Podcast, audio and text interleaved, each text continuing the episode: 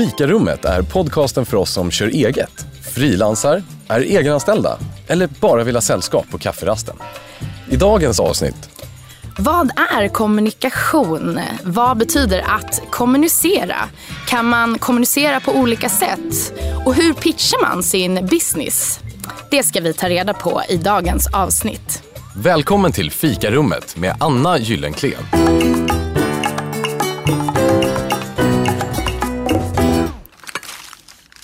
Hej och välkomna till eh, fikarummet. Vad kul att ni vill agera mina kollegor idag.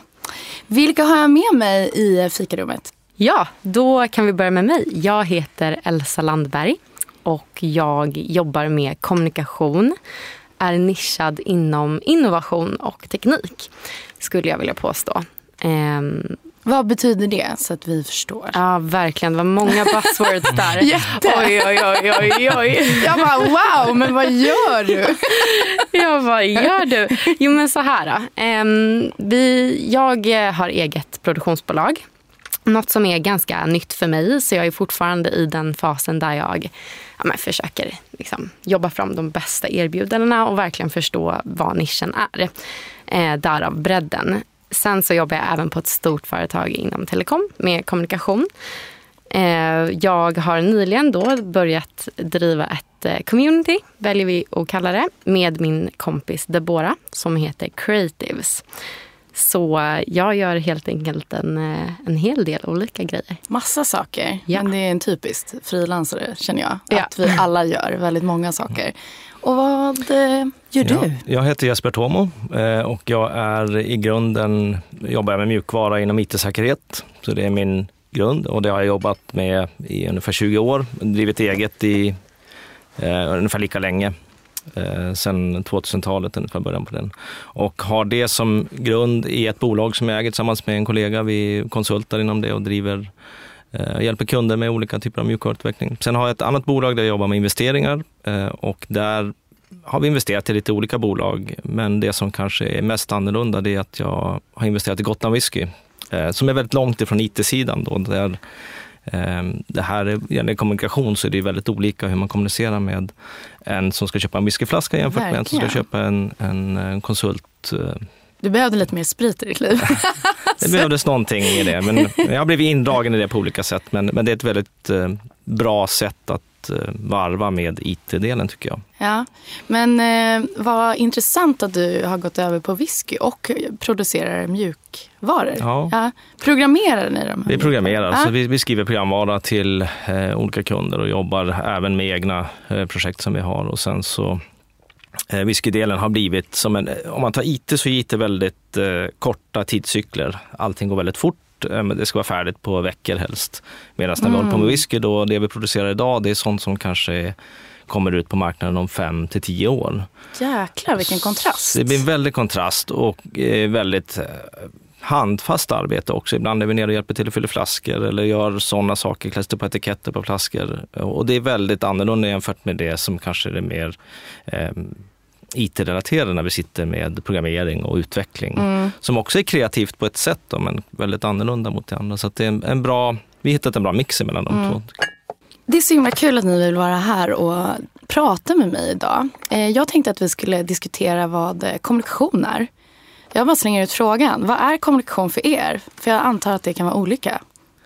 Ja, eh, framförallt om jag ser på de två eh, områden som jag jobbar inom så är det ju väldigt olika och, och de mottagarna som man har på de två områdena blir ju väldigt olika också. Det där upptäckte ju vi, vi visste väl redan, jag och min kollega när vi jobbade inom IT-branschen, att där är det, den är ju eh, vad ska man säga, många där är väldigt van vid ettor och nollor och vill ha en ganska rak kommunikation. Sen kommer man till whiskyvärlden där det helt plötsligt är väldigt subjektiva, eller objektiva eh, värderingar hos den som som får den. Till exempel när flaskan kommer, är den snygg? Eh, Är den är innehållet, är det gott eller inte?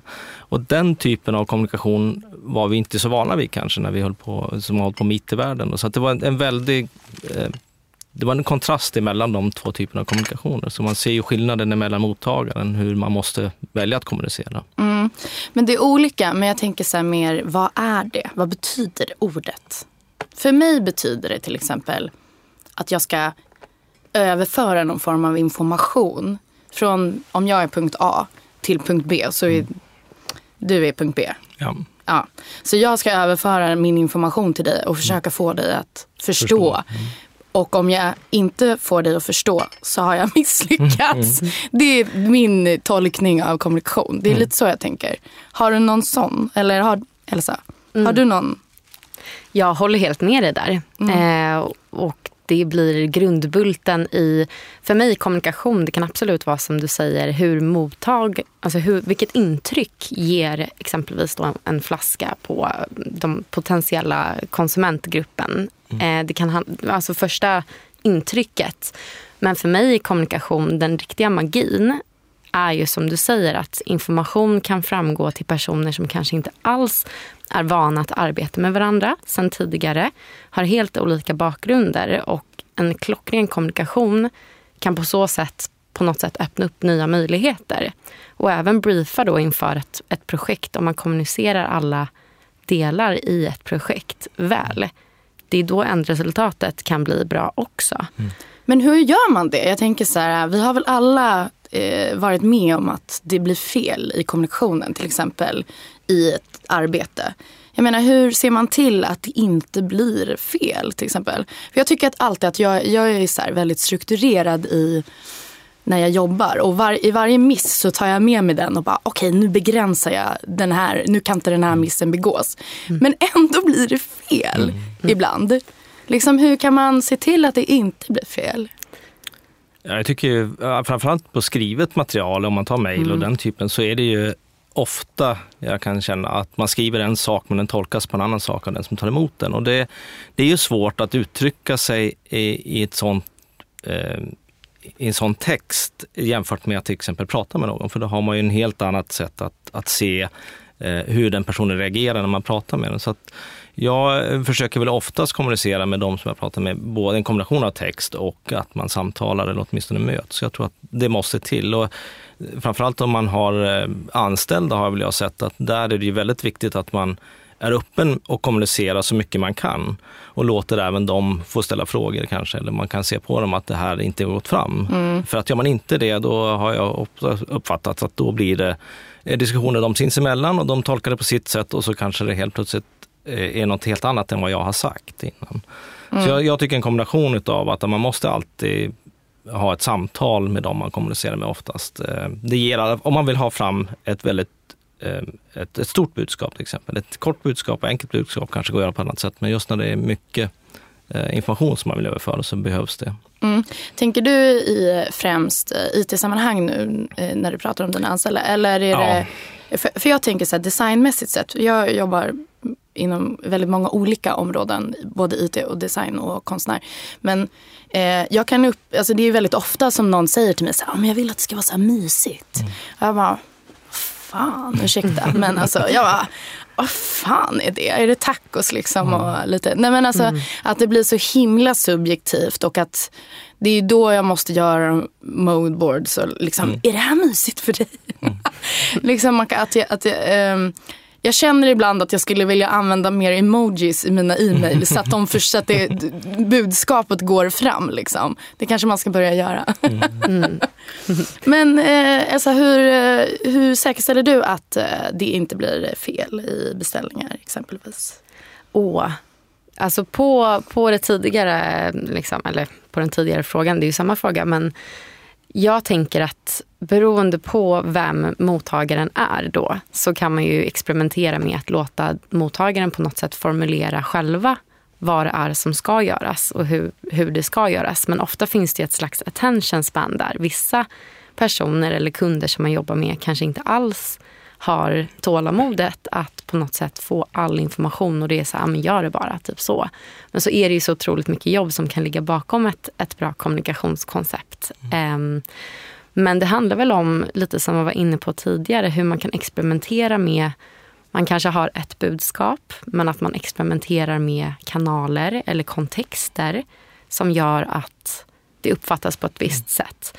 Och jag som ofta försöker visualisera saker som inte finns, alltså innovation eller vad vi väljer att kalla det, kan vara en idé som någon har och man behöver en prototyp på det då kan man också behöva lägga till lite, men, berätta en story eller liksom kontext för att på något sätt få en, en uppfattning om vad det är som ska skapas. Um, så att ja, man kan lägga till vissa element och det tror jag man får hitta sitt egna sätt på hur man, hur man gör. Men mm. du kan ha ett ganska corporate message men om du får det i en, liksom, jag vet inte, en, en box till ditt skrivbord, men då kanske det uppfattas på ett helt annat sätt och mycket roligare eller mysigare om vi fortsätter på det du var inne på. Mm. Så ja. Experimenterande är intressant, för det där gjorde vi lite tester på inom IT-världen. Då, att vi, vi hade en försäljning av en produkt och då la vi upp två olika sidor där vi sålde den här produkten. Och så när besökarna kom in så 50 gick till den ena och 50 gick till den andra. Och så mätte vi sen, och jag gillar ju att mäta saker, mm. jag vill ju veta. Det, det, är ju ganska svårt annars, men där kunde vi ganska lätt se hur många av de som kom in på den ena sidan köpte, hur många kom in på den andra sidan. Och på det sättet kunde vi se vilken kommunikation skulle vi använda som passade bäst för den produkten. Och sånt gillar jag. Jag gillar att se ett resultat av det man gör och det är inte alltid man kan göra det. Det är inte alltid man kan se att kommunikationen går fram och är rätt. Eh, utan man kanske lägger ut och sen hoppas man på det bästa. Sen får försäljningssiffrorna gå upp eller ner. Men, men det var ett väldigt konkret sätt att se att kommunikationen verkligen gick fram. Mm. Nu gör ju ni mjukvaror. Mm. Så ni har ingen designer då antar jag? Eller för, för, för annars så jobbar man om, man om man jobbar med hårdvaror. Eller förklara det här för ja, om man tar, När vi började för ungefär 18 år sedan att skriva produkter så mm. gjorde vi UX-designen själva. Och eh, vi trodde att det var eh, helt okej. Okay. Vi tyckte att det såg Förklara UX-design bara. Lite ja, hur man lägger ut komponenter eller man designar upp gränssnittet som användaren ska använda sig av, den som han sitter och jobbar med. Och då, alltså vilken färg och form, ja. Eh, liksom vart placerar man ut texter, var ska det stå, hur ska de ligga? Och det där körde vi ganska länge, vi körde nog säkert i 6-7 år med det där, tills vi faktiskt tog in en, ut, en utvecklare som var utbildad inom användarvänlighet och UX-design. Och det skulle vi ha gjort mycket tidigare, det insåg man inte först då. Det är sådana saker man lär sig med, med tiden, att det där är otroligt viktigt. Eh, och inte bara för hur produkten ser ut, att den ser bra ut, det är också hur man använder produkten. Att det blir en helt annan typ av användare som, som kan eh, utnyttja den när man använder sig av en sån typ av resurs. Så för oss eh, har vi insett nu att nu tar vi in folk och vi använder oss av lite olika metoder. Antingen så anställer vi folk eh, eller så tar vi faktiskt hjälp av eh, crowd design till exempel. Så där vi skickar ut och säger att vi behöver en design av det här eh, webbgränssnittet och sen så får folk i hela världen gå in och säga att de är intresserade av att göra det och så kanske de lägger upp en design och vi har sagt att vi betalar så här mycket pengar för ah. det. Och så får vi kanske in 40 förslag. Och så väljer vi bland dem och tittar om det där är intressant, om du ändrar det där eller om du gör några smärre förändringar. Är det en sida? Det är en sida, ja. Va? Gud vad spännande. Det Den är väldigt spännande och de gör allt ifrån, eh, och, och, som vi gjorde i vår logga, då, det var någon, någonstans i världen, vi vet knappt vart han sitter, utan vi hittade bara en kille som, som la in ett förslag bland de 50 vi fick som vi tyckte att det här var snyggt och sen så fick han de då pengarna som vi har sagt att ja. vi ville eh, den ersättning vi ville ge. Gud vad smart, ni fick så himla många utkast av Ja det är ju det. Och, och, tidigare har vi jobbat kanske med en firma och, eller en person.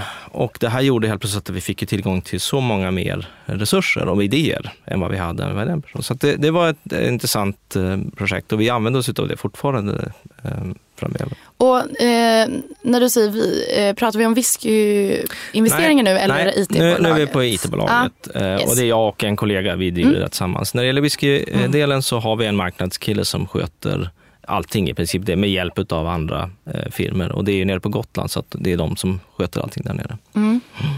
Gud vad spännande.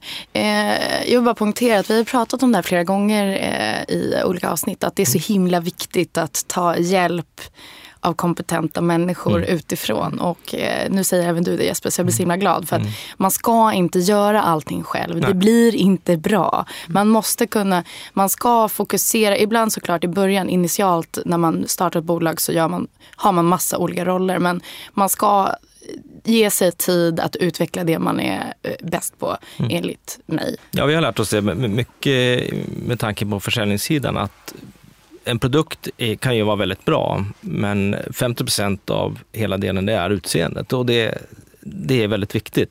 Även om man själv kanske som tekniker tycker att det är ju funktionaliteten som är det viktiga. Eh, och så var vi när vi började. Det var bara funktionalitet. Det var inte så mycket utseende. Mm. Och det vi sålde. Men sen när man väl gick in och insåg att okay, det, det finns en mottagare som kanske vill se det på ett annat sätt och, och presenteras på ett annat sätt. Då insåg vi också att det, det är 50% av allt det, Mm. Känner du för det här 50 procent Elsa? Ja, nej, men ehm, jag tänker det jag ville säga på det temat var bara att så här, som du var inne på, det är en väldigt bra grej att oavsett vad du jobbar på försöka ta in så många olika typer av personer eller liksom olika bakgrunder som möjligt. Just för att då kommer man oftast upp med den mest effektiva lösningen. Ehm, och jag tror när det kommer till projekt som jag jobbar på så försöker vi tänka på det sättet också. Ehm, men vi har ju då exempelvis, om jag, jag kan, det här kan vara bra timing att prata om det här communityt som jag driver med min kompis då. Hur startade det nu och vad hette det? Ja, men det heter Creatives Mm. och det är egentligen Deboras idé från början. Vi är båda väldigt men liksom nyfikna personer, eh, har en grund inom um, teknik eller civilingenjörer båda två. Men har väl ett extra säger man, öga för att göra impact och på något sätt. Eh, men hon är UX-designer och jag är väl någon typ av producent. så. Eh, och vi brukar ofta ringa varandra när det kommer till att man ska få fram ett koncept och behöver bolla eller om man då har kört sitt, ehm, ja men man har pratat med någon kund och så funkar inte det. Och sen, För hon är frilansare eller? ja precis, Mm. hon är heltid, um, ja men kör sitt egna bolag nu. Yes. Mm. Jätteduktig. Ja, men man har ju sin klick av, av kompisar som man alltid ringer och bollar med. Och tänker så här, åh vad bra om man hade haft fler sådana här kompisar. Eh, och go-to people som är experter inom vissa olika områden men som ändå är men, kreatörer. Så.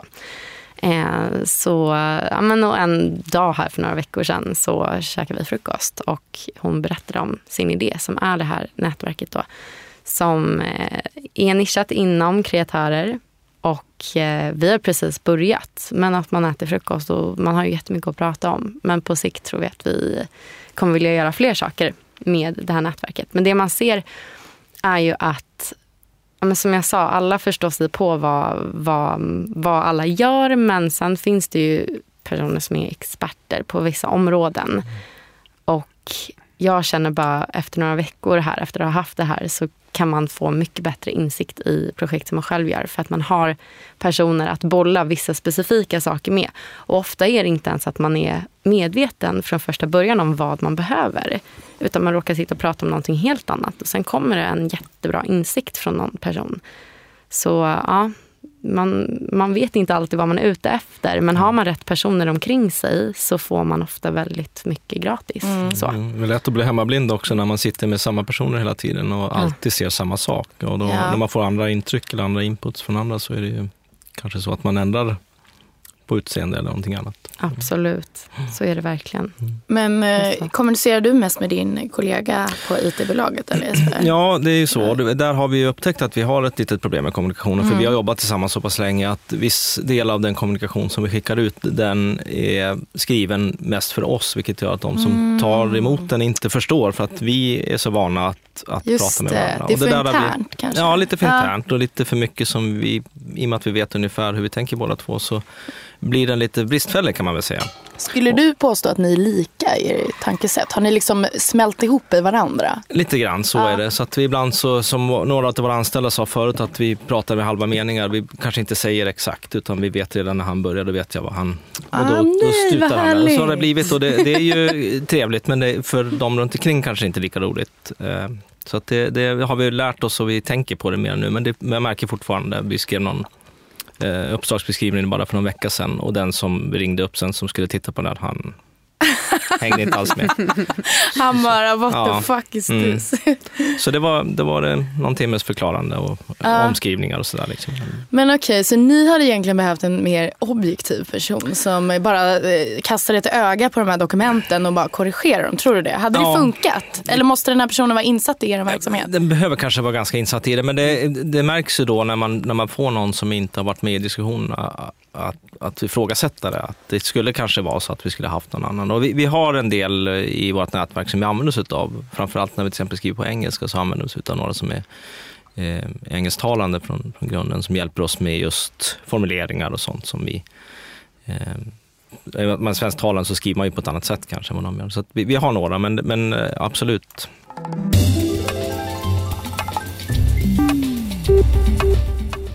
Eh, jag har eh, googlat orden tips eh, och pitch för att ta reda på hur man bättre skulle kunna kommunicera sin pitch. Och vad Google säger är högst rankad info för mig. Absolut högst upp på min lista är företagsfabriken.se tydligen. Och då tänkte jag kolla några av de här tipsen med er och se om ni tycker att de är relevanta. Röstläge. Variera röstläge och tempo utan att tala för långsamt eller för snabbt. Vad tycker ni om den? Väldigt sann, tycker mm. jag. Jag lyssnade på några ljudböcker som var en väldigt monoton röst och det var jobbigt att höra på när mm. det inte det varierade. Medan vissa som läser in ljudböcker är ju lite mer att de kanske ändrar tonläge beroende på vilken person de läser om eller som, som pratar. Och det tycker jag är behagligare i alla fall. Så jag, jag, absolut. Men är det här någonting ni tänker på när ni pitchar?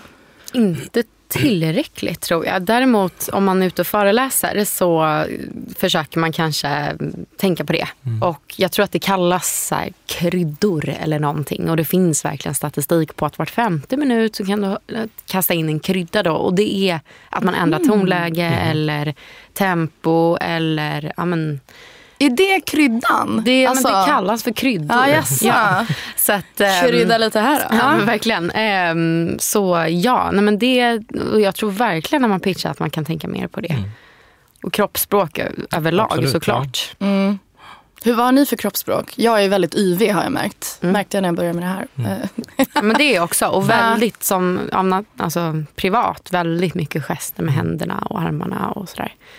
Ja, jag går runt ofta när jag presenterar eller rör på mm. mig och, och också använder armar. Och, så det, det, är ett sätt att kanske också få lite mer lite liv i presentationen när man gör det. Att mm. inte bara stå still eller sitta still. Mm, men om man då, det kan bli väldigt dramatisk effekt om man då är väldigt lugn och pratar mm. väldigt mm.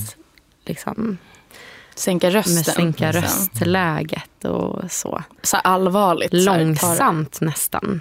Och det oh. roligaste också när folk börjar viska kan jag tycka är väldigt, väldigt, då, då blir det verkligen att alla bara lyssnar. Så. Blir du såld då eller Elsa? Ja men såld, nej men då, vadå, man vill ju höra. Så plötsligt anstränger man sig för att höra och då, då blir det Okej, lite mer. jag tänkte ta ett till tips. Kapitalbehov. Eh, var tydlig med hur mycket pengar du vill ha av investeraren. Redogör för vad du ska använda pengarna till. Vad tycker ni? Du är ju investerare Jesper. Ja, och jag tycker väl att det är väl en av de väsentliga delarna i, i en, just om man ska pitcha för en VC eller för någon investerare. Det är ju att de vill veta vad pengarna går till. Mm. Eh, och eh, hur det har gått tidigare också, det, det, är väl de jag har sett oftast. Att man måste ju presentera vad, vad har man gjort, hur mycket pengar man tagit in och hur mycket pengar vill man ha och vad ska man göra med de pengarna man får in. Eh, vad är det för effekt av dem? Så det tycker jag absolut är viktigt. Mm. Ja, jag tycker det är viktigt i sådana sammanhang. Men om du är om du ska ta fram ett, ett koncept och ha en kundkommunikation så tror jag att man kan bränna sig väldigt mycket om man tar upp pengarna bland det första man gör. För att det viktigaste först är väl att verkligen förstå behovet. Vad är det egentligen som jag ska göra för dig? Och när det är på plats, då kan man absolut mappa ut vilka detaljer som krävs för att kunna mm. leverera ett värde. Men jag tror att eh, ja, men det är olika kontexter. Handlar det om att investera då är det jätteviktigt att göra det för annars blir det bara blaha blaha. Men, ehm, ja, men när man jobbar med kunder för att tillgodose behov så kanske det är lite mera ja, man får vara lite försiktigare och prata om pengar från första början. tror jag. Mm. Mm jag håller med. Det finns verkligen olika perspektiv på det där. Ah. Och, eh, för jag känner likadant. Ibland vill, behöver man vara väldigt tydlig. Liksom. Jag behöver den här summan jag ska göra det här. Och ibland är det mer, mm, vi vet inte riktigt vad vi ska producera ja. faktiskt. Precis. Och då kan inte jag säga vad som behövs för att vi vet inte elementen än, alltså det som ingår i produkten. Vi fortsätter. Eh, illustrativ och minnesvärd pitch.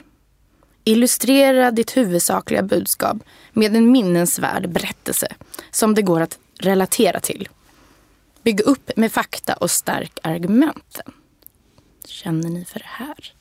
Jag går ju på en del eh, startup-möten och eh, en av dem, där brukar det vara en del Eh, presentationer, hur du presenterar för en VC, vad ska du göra? Och just en, en av dem som jag gick på senast nu, där var det väldigt tydligt att du måste ha en historia, du måste berätta någonting. Och att tidsaspekten för hur lång tid du har på dig också var ju, är väldigt väsentligt. Eh, och du ska ha en start och en, en, handling med någonting och sen så slutklämmen är vad du ska göra med produkten eller med pengarna eller vad det nu är för någonting. Eh, och det intressanta tyckte jag var där att de säger att tiden du har på dig ungefär för att eh, få uppmärksamhet från publiken, det är ungefär 20 sekunder. Det är den tid du har på dig. Sen kan det variera, kanske upp till en minut. Men alltså initialt, initialt när jag öppnar min pitch har jag 20 sekunder? Ja. Och eh, VC, vad betyder det? Det står för Venture Capital och det är alltså investeringsbolag som har pengar i fonder eller eget kapital som de investerar i, i mindre bolag eller nystartade bolag. Okay. Och anledningen till att de vet om det där är för att de ofta när de har startat upp som pitchar så tittar de inte på presentationen, de tittar bara på publiken som sitter där ute.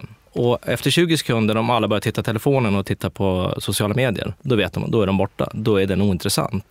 Eh, och sen har de ungefär fyra minuter på sig. Så det är den tiden som de beräknar, att du har ungefär 20-30 sekunder på dig att eh, få uppmärksamhet och sen har du ungefär fyra minuter på dig att presentera. Det är den optimala tiden för det. Mm. Och under den tiden ska du få in det här. Du ska få in den här historien och hela berättelsen och allting för att eh, lyfta över så att den som sitter och lyssnar eh, hänger med och kanske lever sig in i den historien för att känna att det här vill jag vara med på, den här produkten är bra. Mm.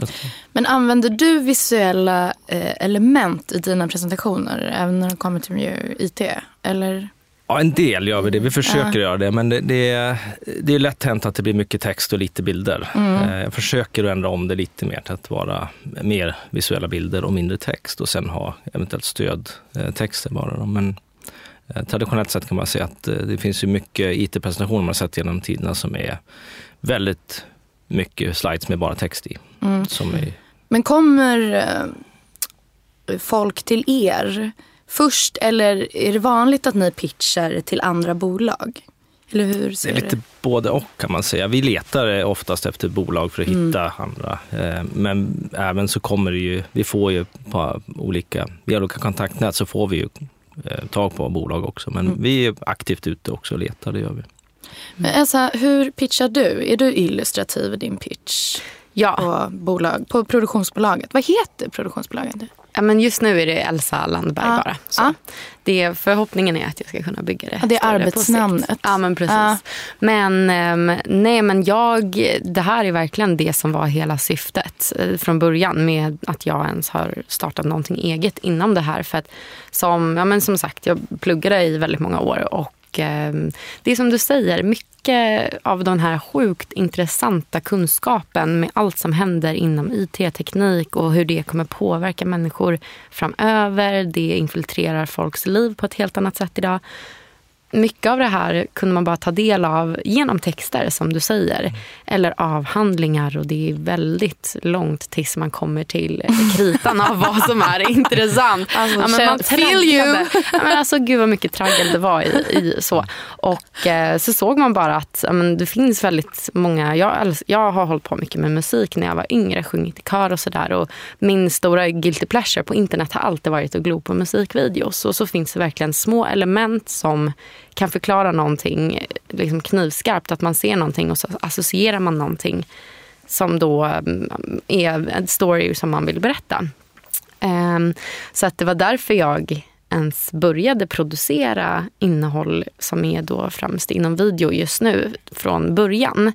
Um, Vad för typ av video till exempel bara? Ja, men varför, just nu har det varit mycket så här, employer branding relaterade videos. Mm. Att ett företag vill berätta vad de står för. Och då kan man koppla in flera olika kanske organisationer eller komponenter som gör att man hjälper till att berätta den här storyn. Man behöver inte säga så här, vi står för jämställdhet eller vad det kan vara. Utan bara genom att eh, göra någonting med personer så, så, kan, så skapar sig folk den uppfattningen att men vad bra. Um, nej men och sen så tror jag att eh, ja, men vad bra, då kan man försöka använda visuella medel. Men kanske dokumentera video, foton, mer sånt. Och framöver ser jag också, om man googlar på storytelling i tech och så vidare så ser man ju fler element av virtual reality, mm. augmented reality, mixed reality. Alltså man kommer kunna ge möjligheter för folk att sätta sig in i kontexter med visuella element mer än någonsin tidigare. Mm. Det tycker jag är sjukt häftigt och sjukt intressant. Så um, Ja, historielektionerna kan ju bli lite mer intressanta med argumented reality när man går runt och tittar ja. på hur det såg ut på den tiden som man ja. kanske läser om. Man kan ju tänka sig som student att läsa om, om, om flera hundra år tillbaka och få ja. se en stadsdel som hur den såg ut. jag tror att vi är på väg dit faktiskt. Mm. För det, det, ja, det, det kommer hela tiden.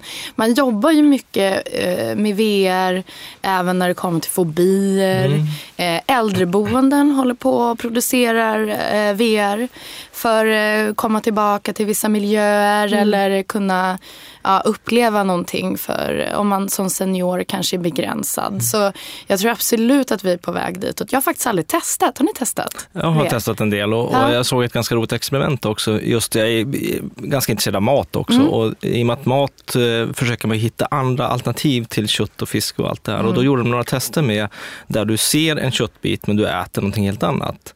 Eh, för att se hur reagerar du på det? När du, är, det är det visuella som gör att du tycker att den där köttbiten är god eller är det faktiskt smaken? Mm. Och det är ofta så är det så att man, man kan ersätta det med någonting alternativt, eh, bara du får sinnet att tro att det är det du det, det, du ser. Gud vad sjukt. Ja. Men åt du det? Gjorde Nej, jag, du jag, jag såg bara experimentet. Såg... Jag, jag, har kört virtual reality med andra grejer, men just den såg jag som jag blev intresserad av, för just i och med att jag är intresserad av mat. Ja. Och tyckte det var ett ganska kul experiment att se hur hjärnan kan påverkas att tro att du äter kött fast du äter någonting helt annat. Den är ju så stark, hjärnorna. Ja. Det är ju mm. helt sjukt. Jag undrar vilken egentligen eh, kapacitet vi har. Det vet man ju inte. Nej. Det är ju helt... Jag tänkte ta en sista då. Eh, på den här listan som Google säger är relevant för mig. Du och ditt team. Förklara hur du som företagare är så fantastisk på att driva ditt företag. Berätta om din och ditt teams erfarenheter som gör att du eller ni kommer lyckas med affärsidén. Oh, den mm. var väldigt, väldigt bra. Och Jag skulle gärna vilja utveckla den lite med, apropå att skriva offerter. För till en början då, när man börjar, då kanske man försöker kalkylera alla element som krävs och estimera timmar. Men på senare tid så har jag försökt inkludera men sidor som då handlar om teamet, om man då behöver väva in expertis någon annanstans ifrån. Eh, också visa mer på processtänket. Att väva in kanske omtagningar. För att ofta tror jag i en kreativ process, man vet inte riktigt hur ändresultatet kommer bli. Och bara att kunna visa på vilken kompetens det finns om det kommer en efterfrågan att göra mer men, postproduktion eller vad det nu kan vara så kan man verkligen visa att kommer en sån request så finns det även såna styrkor. Mm. Så den tyckte jag var väldigt bra. Mm. Jag känner att jag tror att vi gör det för sällan. Tror jag. Det är bara min egen idé. Det känns som att ofta så lyfter man inte vilken kompetens man har inom företaget. För att, och den är oftast högre. Många som arbetar på bolag har ju mycket, mycket mer kompetens än det de gör. Alltså, jag, jag tror inte att vi utnyttjar resurserna tillräckligt. Alltså. Eller det är bara en idé jag har, jag vet inte. Ja, och sen är det väl också så att ett starkt team, även om det är litet, kan ju oftast vara mycket starkare än kanske ett stort team. Så tycker jag i alla fall. Ett, ett, ett tajt team där man är få, eh, där man Ehm, samarbeta på ett sätt som jag kan se på stora bolag där man är många fler anställda, men kanske ändå inte kan konkurrera med det lilla för att man har inte den drivkraften och det team teamet som krävs och den kunskap som, som teamet kan faktiskt bidra med. Så jag tror att det absolut är viktigt där man känner mer ansvar i ett mindre team och där man har teamet som också en, en styrka i den produkt eller vad man nu säljer för någonting. Um, har ni någon strategi för pitch? Eller liksom ett, ett typ av upplägg som ni alltid kör på? Om man går tillbaka och tittar på det som jag tycker är bra är oftast när man håller det ganska kort och koncist och sen att man eh, jag tycker alltid att det är när man själv är engagerad i ämnet och man kan presentera det på ett sånt sätt utan att bara stå och läsa till, då tycker jag att det blir oftast bäst effekt av det. Eh, och har man skapat någonting själv, då är det oftast lättare kanske än att man presenterar någon annans produkt, någon annans idéer.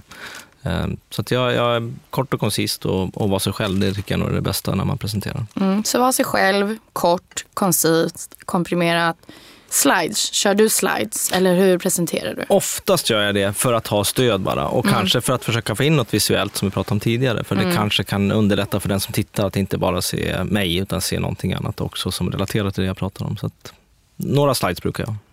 Mm. Ja, jag håller med verkligen om eh, kort och koncis biten. Och till och med så att det beror självklart på vad det är man ska pitcha. Men mm. säg att man ska hålla någonting som inspirerar folk. Då kan det också vara ganska bra faktiskt att utelämna vissa detaljer och på något sätt skapa ett intresse hos mottagaren men att man inte riktigt tillfredsställer det. Det beror verkligen på som sagt. Det kan mm. handla mer om man kanske håller en inspirationsföreläsning eller pitch. Men jag tror att man kan leka mycket mera med det. Och sen tycker jag att det är viktigt att vara ödmjuk också för att annars så tror jag verkligen att man bränner sig själv. Mm. Hitta empatin känner jag också är ganska mm. viktigt mm. så man förstår målgruppen eller beställaren. Absolut. Men också så här, jag kan känna ibland att jag har lite svårighet med att jag inte vill konkretisera idén för mycket för att, eh, som designer eller konstnär. För att i, i och med att göra det så har jag redan satt en fast ram. Mm. Och då på, begränsar jag på något sätt uppdraget när det kan bli mycket bättre. Alltså för att jag vill liksom inte stänga några dörrar. Förstår ni vad Vill du få lite ifrån de som är mottagarna också utan att eh, bestämma exakt vart det är på precis, väg? Precis, alltså, eller jag, jag, tror ändå på så här, ja, men, att man har en idé och så man, det är högt i tak och så är man öppen.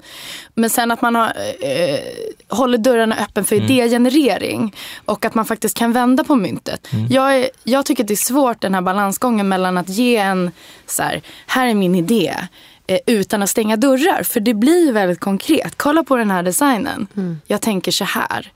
Så eh, initialt har jag oftast flera idéer som jag bollar vidare på även bakom kulisserna. För att eh, förstärka. Liksom. Ah, jag vet eh, ja, hur blir det då när du presenterar det som du eh, tycker väldigt starkt om och sen så visar det sig att det inte är den som du presenterar eh, för? Det var... När jag vet att det är det bet- den bättre idén så är det ju väldigt frustrerande. Mm. För då måste jag ju på något sätt hitta en vinkel där, för att jag vet att det är bättre för bolaget till exempel. Och då måste jag ju hitta en vinkel där jag kan förklara varför, alltså så här, få dem att förstå varför det är bättre. Alltså ibland får man ju bara, mm det går inte, de vill ha det här. Men det är inte det bästa alternativet. Men de betalar för det. Okej, okay, men vi släpper pitchen. Jag har ju ändå fått väldigt konkreta förslag på hur man skulle kunna bygga upp sin pitch.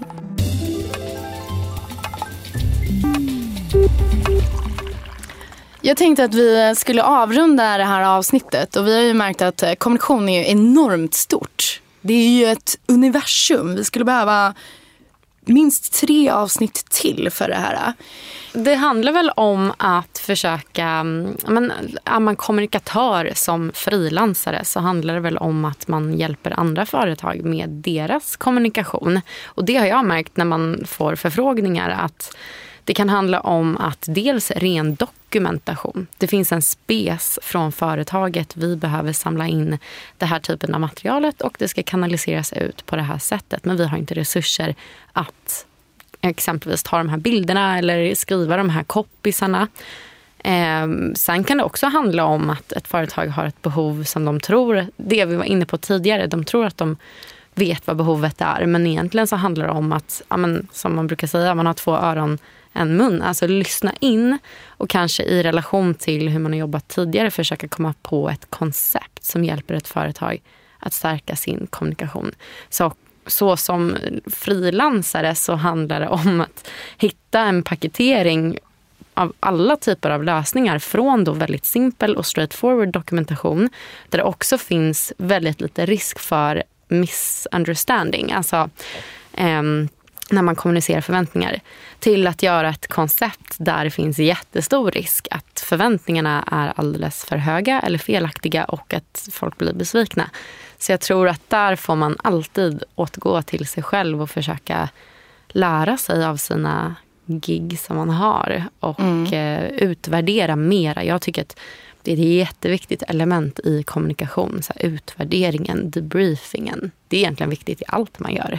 Ja, när, när man, både när man pitchar och när man tittar på, på startup som pitchar så är ju kommunikationen väldigt viktig. Och det som jag nämnde tidigare, det, man har väldigt kort tid på sig. Och sitter man och tittar också så är man ju så att om man ser flera stycken så eh, är det någon som sticker ut så kommer den antagligen ha lättare att få igenom sin, sin investering. Men sen har jag också, jag måste erkänna det att eh, inom IT-världen så är, som jag sagt tidigare också, kommunikationen har ju varit lite eftersatt och det är också en bransch, om jag tittar på mig som egenföretagare, att jag har inte behövt kommunicera så himla mycket för att det är så stort behov av IT-resurser idag. Att vi behöver inte vara ute och exponera oss så mycket utan vi får oftast förfrågningar istället. Mm. Och det har gjort kanske att vi inte haft samma behov av att kommunicera utåt som, som egna företagare. Så att, I marknadsföringsperspektiv precis, pratar vi om nu. Precis, ah. ja. Så, och, ehm, och som jag sa också, att de uppdrag vi gör så är kommunikationen ganska begränsad också. Det, det, det får jag erkänna. Så att vi, det är mest när vi tittar på andra bolag eller mm. bolag tittar på oss och i, i eventuella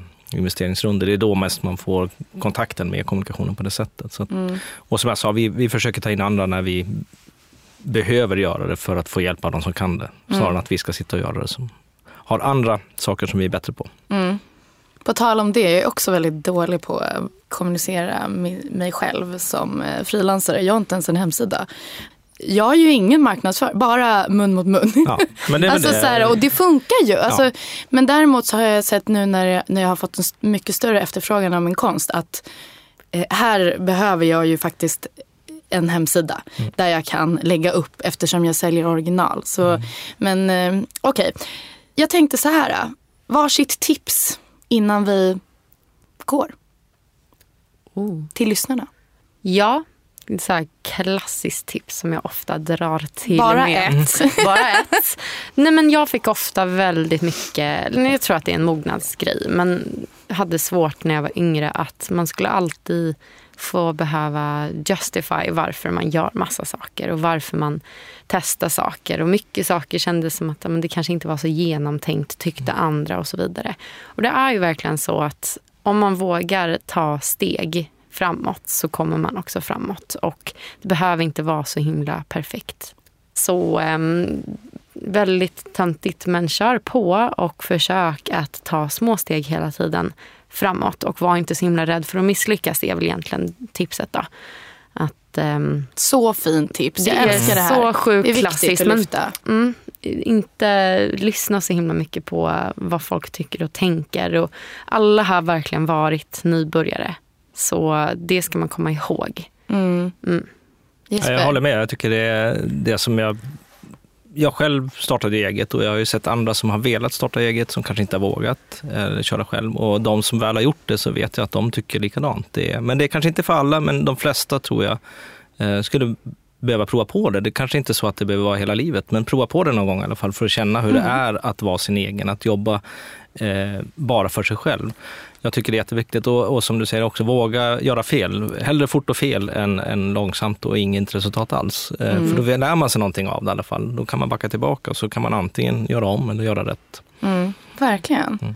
Okej, okay, mitt tips är att um, vara noga med det här att skriva saker. Uh, har man inte gjort en kravspec och en offert så skriv ner det på mail så att du har det så att du kan gå tillbaka mm. till att så här, det här var det som bestämdes. Alltså att någonstans ha det skriftligt för att det är ju så tråkigt om man har sagt någonting muntligt och sen så bara, nej du, det gick inte fram eller någon har glömt. Eller, mm. Men att man har det skriftligt någonstans där båda parter kan se. Eh, det, skulle, det är mitt tips. För då, då, då har man alltid en, en eh, trygghet i att eh, man har gjort det. Alltså även själv, att man vet så här. Eh, tack Jesper och Elsa för att ni ville vara här och fika med mig idag. Så himla trevligt. Eh, och glöm inte att eh, gå in på fikarummets eh, Facebook och eh, tipsa om vad ni vill lyssna på och ge oss eh, feedback på det här avsnittet. Och tack Cool Company för kaffet. Hej då! Fikarummet presenteras i samarbete med Cool Company. För dig som vill frilansa utan att starta eget företag. Det här programmet görs på Beppo. Beppo.